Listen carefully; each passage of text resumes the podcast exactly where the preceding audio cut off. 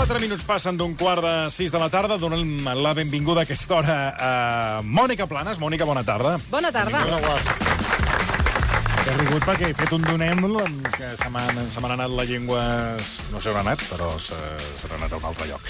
Um, la Mònica Planes, que uh, continuarà aquesta tasca, aquesta feina que ja feia la temporada passada de buscar-nos documentals i comentar-los al, al programa, que, per cert, hi ha una llau de documentals. Sí, sí, sí. Vaig obrint les plataformes i penso que aquesta temporada, si la, la temporada passada tenies feina, mm. aquesta la llau, fins i tot documentals de David Bisbal, de...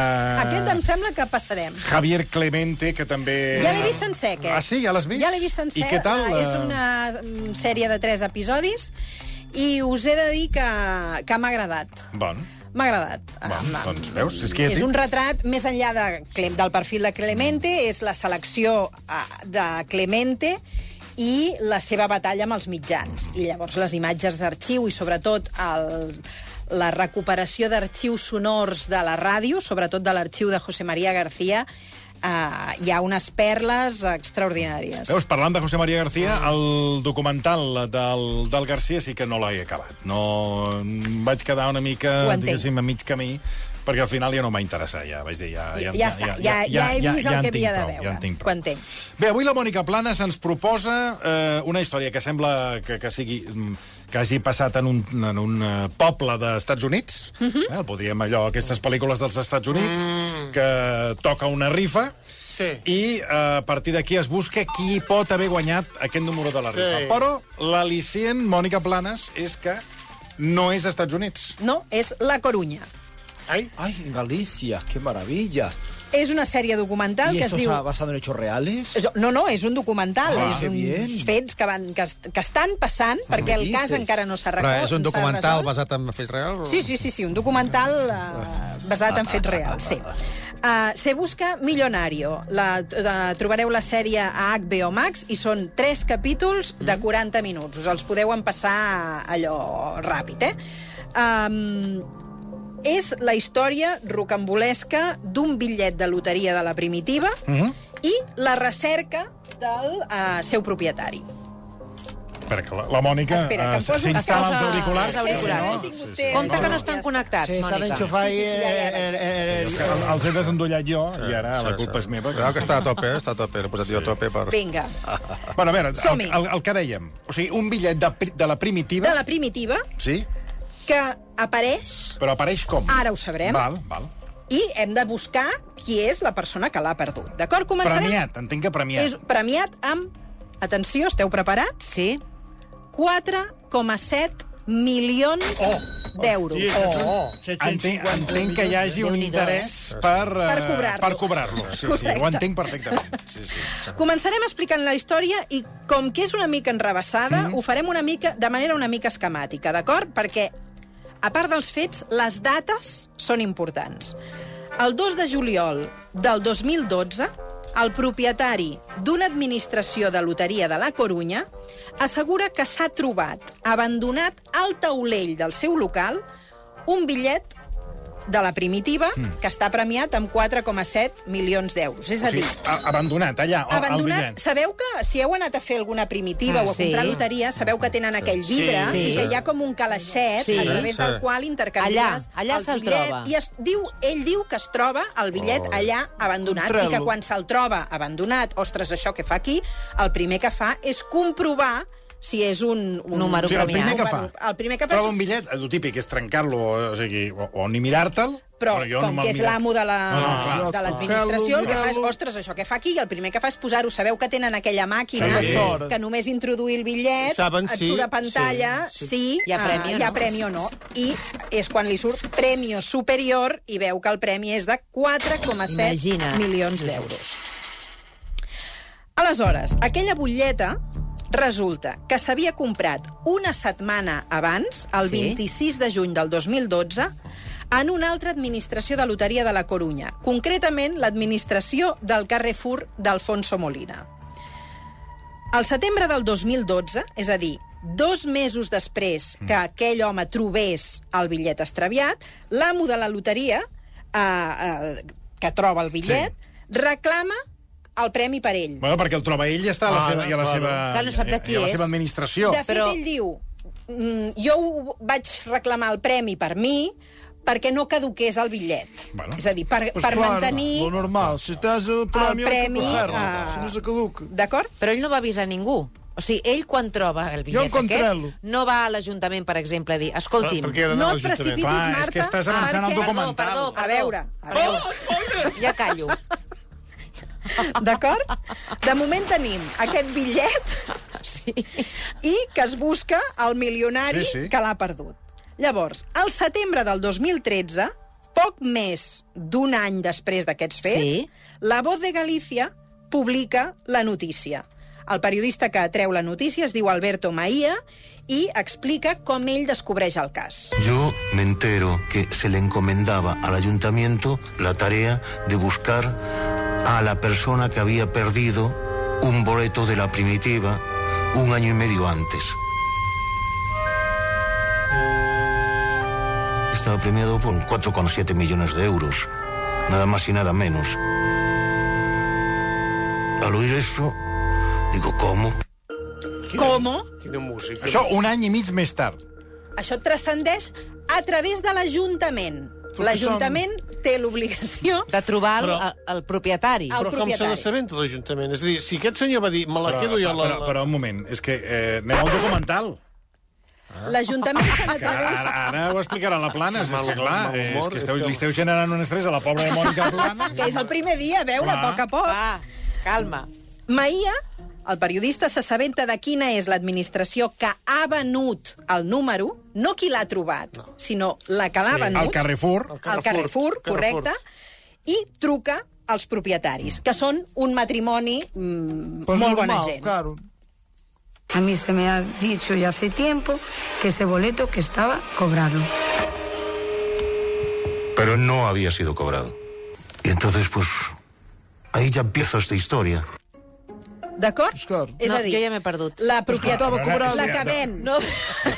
He estat atenta, però, a veure, ell ha dit que la persona que troba el número premiat, Sí. que el cobra perquè no caduqui. No, no que el cobra, que el reclama per ell, perquè ell... Ah, he entès que l'havia cobrat Però perquè aquí no quan, reclama. a, Calma, a veure, a la calma. delegació de loteria. El, el senyor troba i el port i, el, i comunica a la delegació de loteria que té el- ell el número premiat i que és un número que ell s'ha trobat. Perfecte. D'acord? I aquest bitllet queda en custòdia, mm, en principi, de l'Ajuntament, Exacte. perquè és un bitllet extraviat sense propietari, igual que un objecte perdut, sí.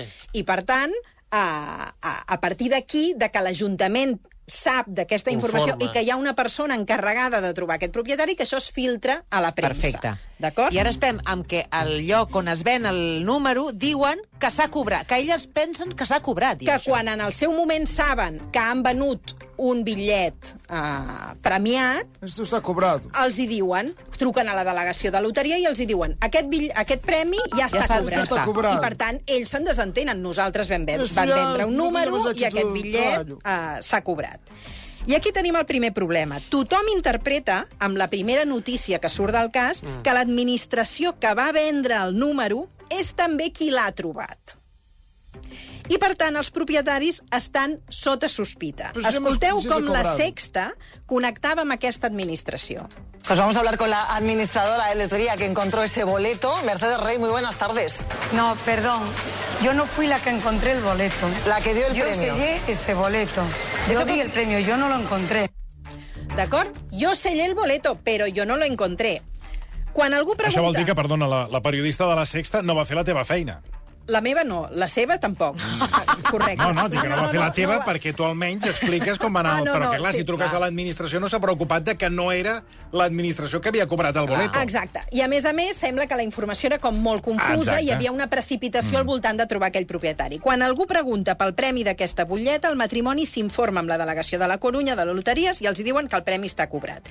Aquest matrimoni comencen a viure un infern Per què? perquè la gent comença a sospitar d'ells injustament. Però si És ells dir, són els que el, el, el venen, el, el, el, el, Però com el que es pensen que també l'han trobat, es pensen que ells s'han quedat el bitllet d'algú i que, per tant, s'estan quedant el Amb premi els- amb que era d'algú altre. Aquí està, amb què a la Ai, gent el pobres. que no li agrada és que acabi cobrant l'administració, a l'administrador de la loteria un premi que era d'un ciutadà. Clar. I, per tant, Clar, passen a posar aquest matrimoni sota sospita. I, a més a més, aquest matrimoni, quan se senten que el veïnat i tothom comença a acusar-los d'haver-se quedat un premi, la senyora truca desesperada a la delegació de la loteria de Ah. la Corunya i li diuen ja t'apanyaràs, és el teu problema, Oh, i oh. troba que la delegació de la loteria se'n desentén Oh, molt oh. ràpidament d'aquella situació.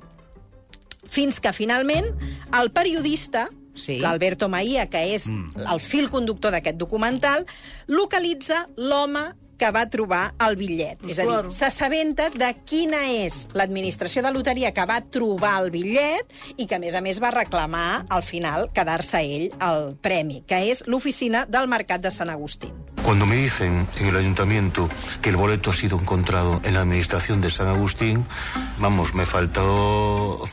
me faltaron pies para correr. Todo eran incógnitas. El boleto se vendió en la administración de Carrefour, pero apareció en la de San Agustín, a casi tres kilómetros de distancia.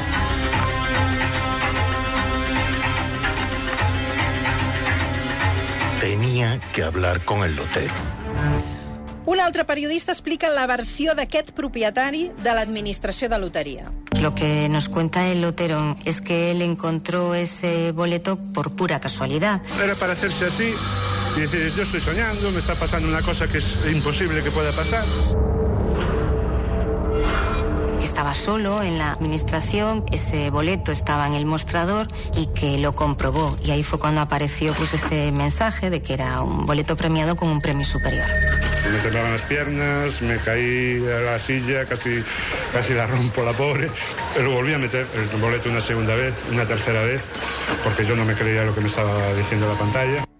Alberto Maia, quan l'entrevista en aquest senyor, intenta comprovar una mica l'honestedat del personatge. Cuando le pregunto, por ejemplo, ¿le pasó por la cabeza quedárselo? Me dijo que de ninguna manera, que no podría dormir eh, por las noches. Pues mira, mm, yo creo que, yo ahora en conciencia, yo creo que vale la pena. Todas las noches yo me levanto súper tranquilo y eso no, lo- no hay dinero que lo pague, pienso yo. La tranquil- ¿Para, para la qué quiero yo el dinero? Claro, claro. És un Però, a problema. més, a veure, amb 4 milions i mig d'euros, eh, 4 És un milions i escaig, eh, també dorms tranquil, eh? Sí, si els tens, eh, i els tens, saps? El tens, saps que si, els tens? És al revés, que si no te'ls quedes jo no dormiria. Doncs mira, acabes de fer una, Ah, un, un, un diagnosticar una circumstància que passarà a molts dels personatges que Ah, surten mira, en aquesta veus, sèrie veus. documental. La falta de... O sigui, l'insomni. L'insomni. Què passa en unes circumstàncies com aquesta? Què diu la llei sobre un bitllet de loteria Sí. extraviat, diguem, i per què, a més a més, inicialment és l'Ajuntament de la Corunya qui té l'obligació de localitzar aquest milionari, d'acord? En el documental, per tant, consulten què diu la llei. La respuesta pues estaba en una norma del siglo XIX, que es el Código Civil. Uno de sus artículos dice que en el caso de que una persona encuentre una cosa mueble, tiene que dársela al legítimo propietario y si no lo conoce, tiene que entregárselo al alcalde del pueblo. Probablemente deba ser el único alcalde de España que busca un millonario no para pedirle dinero, sino para dárselo, ¿no? Bueno, el boleto estaba ya custodiado por la propia Loterías del Estado, ¿no? Normal, según el Código Civil, hubiera sido que el propio ayuntamiento custodiásemos el boleto, ¿no? Nosotros entendimos que lo mejor es que, al tratarse de un organismo del Estado, eh, quedase allí mismo en loterías y además dentro del ayuntamiento tampoco había ningún lugar específico para custodiar ese boleto. Per qui hores d'ara, encara, avui dia, custodia el bitllet de loteria premiat de la primitiva és la delegació de la loteria a la Corunya. I no s'ha caducat, perquè això és que la de la de Nadal es caduca els 3 mesos si no cobres. No, perquè està, diguem... Custodiat. Custodi Ah. sota, Per l'administració. sota secret de sumari a es- a l'espera a l'espera de la resolució com, d'aquest com cas. demostres que és teu? Ara, ara, ara moment, que aquí, un moment. Ah, Ah, bueno, és que- no, no ho saber jo. Ah, Espereu-se, és que us ho està explicant el Mònica Planes. A partir d'aquest documental documental que avui estem explicant, el primer de la temporada, de... Uh, espera, que tinc el títol per- aquí. Uh, Se Se busca busca milionari. ara. Busca milionari. El documental, us he de dir, està molt ben fet. Uh, no només expliquen la història d'una manera molt clara, sinó que simplifiquen els embolics del relat a partir de maquetes i personatges petitons que recreen els personatges que participaran de la història. La banda sonora està molt ben adaptada a la, aquesta atmosfera narrativa una mica de misteri, heu vist que és com una mica un thriller. En els crèdits ja veureu que es juga amb la idea del laberint i les boles que van passant per un, del sorteig que van passant com per un bombo, fins que finalment deriven cada una d'aquestes boles en un cercle que es convertiran en sis cadires. I aquestes sis cadires les aniran omplint les persones que reclamen aquest bitllet Ah, o sigui que, com a prova. o sigui que en el documental a- apareixen fins i tot els sis que reclamen que ells són els propietaris de la butlleta. sis del total que reclamen a la butlleta, perquè en el documental inicialment en surten sis asseguts, van entrant Mhm. en un cercle uh, I ho argumenten bé. Argumenten bé que ells són els, uh, els, pro, els ar- propietaris del documental. argumenta... De la exacte, cadascú argumenta Sí, sí. com va comprar aquell, aquella, Sí, sí. aquell bitllet, bitllet de la primitiva i com el van perdre, d'acord? Escoltem a l'Almudena. Fui un día a hacer unas compras al centro comercial de Alfonso Molina de Carrefour. Pasé por delante de la administración de lotería y me acerqué al mostrador y vi que en la esquina del todo que había un boleto de lotería y dije, yo esto se lo di a la lotera, pero para que lo tirara o que hiciese con él lo que le diera la gana. Lo comprobó y me dijo que estaba sin sortear. Y entonces yo le dije que, que ese boleto pues que no era mío, pero que me dijo, bueno, pero tú lo encontraste. Y me pidió mi número de teléfono y mi carnet de identidad, porque me explicó que si el boleto salía premiado, que yo tenía derecho a una parte del premio. Y yo al principio dudé, pero luego le dije, si voy a ser honrada de dejarle que he encontrado que no era mío, pues tengo que hacer uno para este sorteo, por si acaso. Le pregunté si podía hacer un boleto con los mismos números y me dijo que sí. Claro. M'he perdut, eh? És no, dir, perquè ella- ella, ella ella- el troba. Ella és honesta. Ella diu, jo el vaig trobar, però encara no havien fet el sorteo. Però com que el va trobar? No el va trobar el senyor de No, l'altre... va trobar- No, ella No. diu que abans que, que aquest senyor digués que això... abans que el trobés el de la- el de la- de de l'administració, que, Sí. que, el, que és el qui diu de cobrar-lo, Sí. el va trobar l'Almudena. El que- troba ella, li diuen que encara no s'ha sortejat, Claro. però que és seu perquè qui, qui el troba se'l queda. clar, I llavors normal. ella diu, home, si vull ser honesta, el que faré és jugar-me un altre cop uns diners meus, Sí. fent els mateixos números perquè no sigui Claro. tan injust si em toca. I a partir d'aquí crearà una història per, per justificar que aquell bitllet és seu. Aquí només hem agafat la introducció inicial de l'Almudena. Després tenim l'Eladio. Eu enterome pues, no traballo con un compañero me comentou o asunto.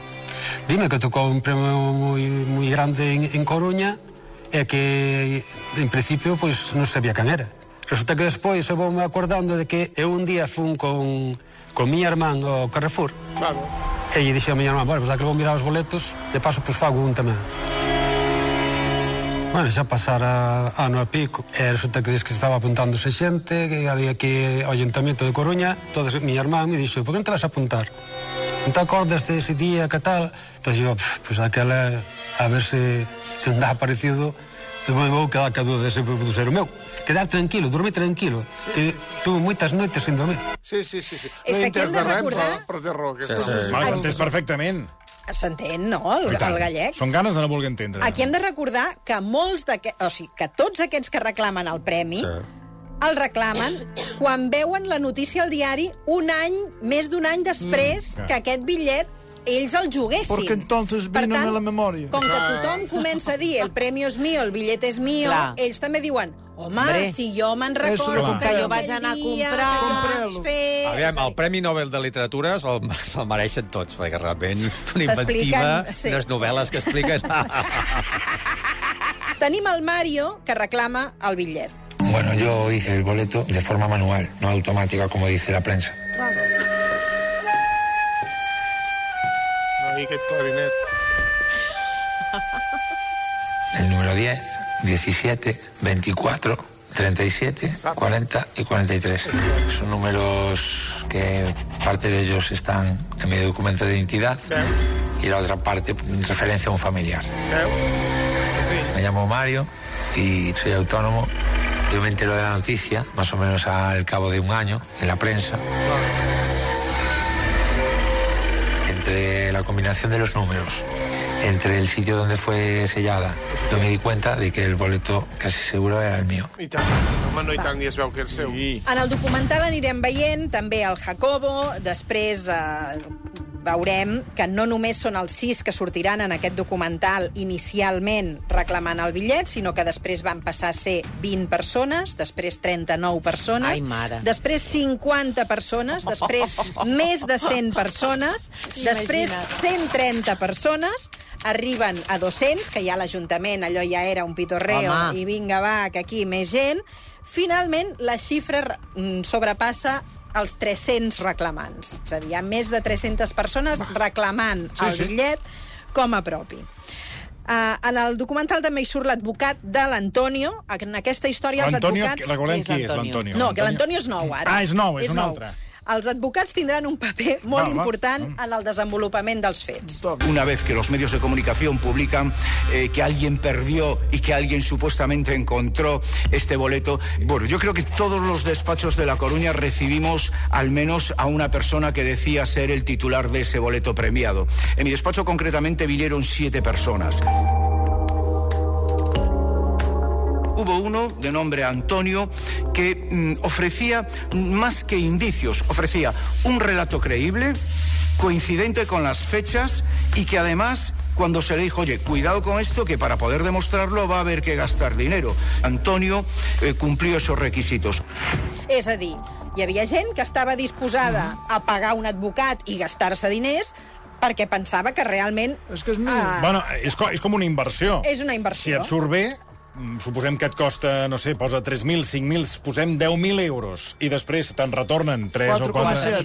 3,7, doncs, escolta, Pagues bé o l'advocat. 4,7. 4,7. Vull dir, Sí, el benefici és És substancial. important. Després es filtra una altra notícia molt important. S'assegura que el bitllet extraviat tenia una marca inconfusible Ah, que ah. només el propietari real podia conèixer. Ah, amigo meu. I, per tant, molts dels testimonis que veiem comencen a explicar quina era la seva marca. Un deia que la firma, l'altre deia que hi va apuntar un número de telèfon darrere, allò amb una urgència, un altre que hi havia unes anotacions, i això asseguren que serveix per descartar algunes Clar. de les persones que reclamen. Però, en realitat, tant el periodista com el responsable de l'Ajuntament, que, va, que era l'encarregat de trobar el milionari, creuen que era una filtració interessada per descartar persones que reclamessin el bitllet. A l'Ajuntament no li consta aquesta marca del, No- no del, existeix. en el bitllet de loteria. Seguim perquè ara arribem a un punt d'inflexió molt important d'aquesta història, que n'hi haurà uns quants.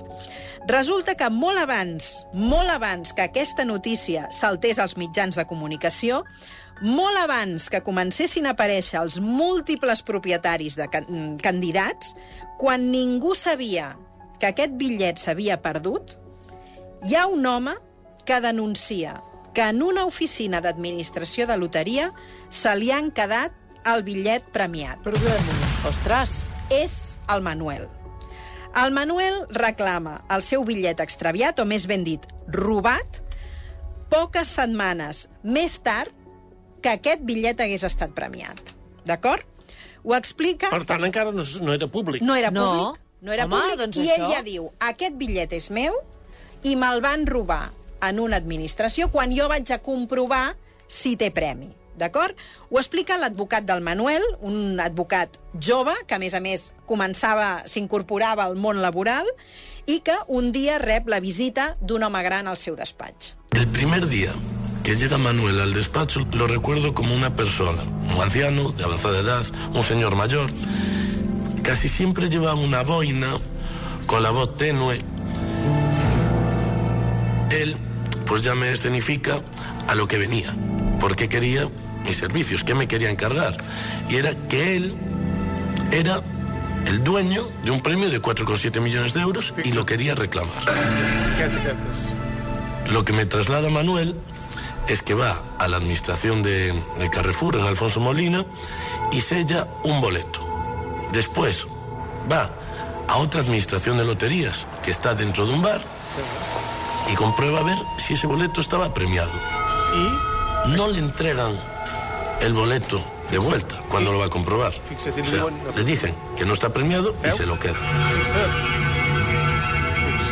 Él, cuando se da cuenta de que está premiado, de que es su premio, de que tiene 4,7 millones de euros, es cuando se lo va a reclamar a la administración, o sea, al bar. Y en ese momento, ese bar cierra. O sea, no cerrado por vacaciones, cerrado para siempre. O sea, el negocio cerró. Ara, ara és, és, perdona, però aquest documental és, és millor que un thriller i que moltes sèries de ficció Sí, sí, sí. que sí, són un fail total, perquè aquesta història és brutal. Boníssima. El Manuel compra el bitllet a l'administració del Carrefour, comprova el premi a l'administració d'un bar de la Corunya, li diuen que el bitllet no està premiat i es queden el bitllet com si fos per llançar-lo. Sempre que us diguin que no té premi un bitllet de loteria, que, Que us deus- donin que el us paper. tornin el paper. Però que no li surti a la pantalla no premiado, perquè Ell a no- vegades surt això. Ja però a vegades pantalles. confia, sí, sí, però no t'ensenyen, a vegades n'hi ha que no t'ensenyen Sí, no- la no- no pantalla, diuen, no t'ho etc etc. Quan hi ha malícia, hi ha Sí, malícia. sí, sí, sí. I quan, dies més tard, el Manuel s'adona que li han pres el perd, torna al bar, negoci tancat per sempre, el Manuel no només va a l'advocat, va també a l'administració on va comprar el bitllet, l'admi- l'administració Del d'aquell Carrefour. matrimoni Sí. de, Carrefour. de, del Carrefour. Que els culpaven de que s'havia quedat, s'havien quedat ells el bitllet. Correcte. I ells també recorden el Manuel. Eso fue al poco tiempo del sorteo. Pasó como un mes y vino un señor que yo lo conozco porque venía mucho al Carrefour. Venía antes, antiguamente venía todas las semanas. Un señor mayor, así bastante corto de oído. Entonces se acercó a la ventanilla y selló las primitivas y tal, y me hizo así. Ese boleto era mío. Se marchó y tal, y a los 15 días más o menos volvió otra vez. Y lo volví a atender yo. Le sellé las primitivas, tum, tum, tum, y me volvió a hacer lo mismo. Ese boleto era mío. Pero ¿cómo dices que este boleto era tuyo? Si este boleto ya está cobrado. No, no, no, no, ese boleto era mío, se me quedaron con él. Y le dije yo, ¿pero cómo le iban a quedar con el hombre? Sí, sí, que él dijo que no tenía premio y lo tiró para adentro. ¿Pero tú estás seguro de lo que estás diciendo? Sí, sí, sí, estoy seguro. "Hombre, pues si estás seguro, haz una reclamación. Y me dijo él, ¿a dónde? A la delegación. El Manuel i el seu advocat traslladen la reclamació a Madrid i, sorprenentment, els hi deneguen. Sembla ser que el pretext és que no correspon l'administració on ell comprova eh, el bitllet, aquell Mm, bar, aquell bar. amb l'administració on s'ha trobat el bitllet. Però passa una cosa greu, que quan el, Manel ho, el Manuel ho reclama, encara no hi havia cap informació de quina administració Exacte. havia trobat aquell bitllet. Exacte. Aleshores... Per tant, no quadra. El Manuel és l'única persona que reclama el bitllet premiat quan toca, dins del termini, sense que cap notícia hagués sortit al diari. El Manuel i el seu advocat decideixen denunciar el delegat de la loteria a la Corunya, tot això abans que salti la notícia als mitjans. I el delegat de la loteria es fa una roda de premsa defensant la seva innocència. Però alerta perquè encara hi ha d'haver un gir molt Què important. dius? Un altre sí, però jo pensava que ja ho havíem resolt. Estigueu atents al final d'aquest fragment que sentireu ara. Estigueu atents al final del fragment. D'acord? de manera muy enérgica defiende su honorabilidad, que en toda su carrera no tenía ni un tachón. Se emociona, recuerdo que, que en algún momento pues se le veía eh, caer alguna lágrima, defendiéndose de estas acusaciones que ya no solo eran de Manuel, sino algunas insinuaciones que se empezaban a, comentar en la ciudad de que podía tratarse eh, pues de una estafa. sobre todo cuando se conoce un detalle importante, que es que el lotero de San Agustín es el hermano del delegado de loterías en Coruña. Aquests tocaven l'arpa. Aquests van tocar l'arpa, tots dos. Quina casualitat. El propietari de l'administració que troba el bitllet i el delegat de, les, de la loteria de la Corunya són germans. Que casualitat. Home... Fort, eh? Havíem començat el, el programa parlant de germans i, bueno, cap al bosc de les 4, i mira, ves per on, hem acabat parlant de germans, també. Us deixo amb el misteri, us queden dos capítols més. Només us dic que en aquesta història encara hi han d'aparèixer molts milionaris potencials que reclamen el bitllet. Us aviso que aquesta història té girs dramàtics i situacions inaudites. Hi ha algunes trames que acaben al cementiri, Ai, ai. i no una vegada, sinó unes quantes, i que és una història de patiment. El cas està pendent de resoldre's judicialment. Aquest juliol la Fiscalia va demanar 6 anys de presó per dos dels implicats. Més endavant, HBO Max jo crec que haurà de fer un capítol nou per acabar d'explicar com es resol el cas.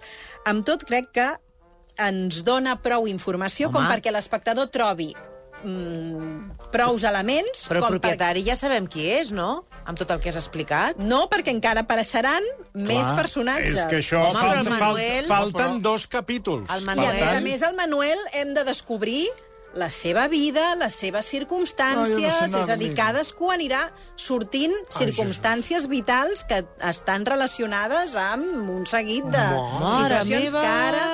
I a més a més, us deixo un esquer final. A l'administració de loteria, on es va trobar el bitllet extraviat, Sant Agustí. El germà. El germà del de... en les aquella administració de loteria, Sí? hi havia càmeres? Doncs sí. Què passa amb aquestes imatges? Ja ho descobrireu. que no encontramos o pendrive. Mònica Planes, moltíssimes, moltíssimes gràcies. gràcies. Aquest, eh, primera secció amb aquest eh, documental que, perquè després els oients no es L'hem de queixin, veure, eh? l'hem deixat L'hem de obert, Se busca millonario. I ara, aquí busquem d'aquí dos minuts amb Maria Xinxó, és a la imatge que va impactar Ay, por favor, ya sé por Catalunya ahir al vespre. Ay, Versió RAC 1.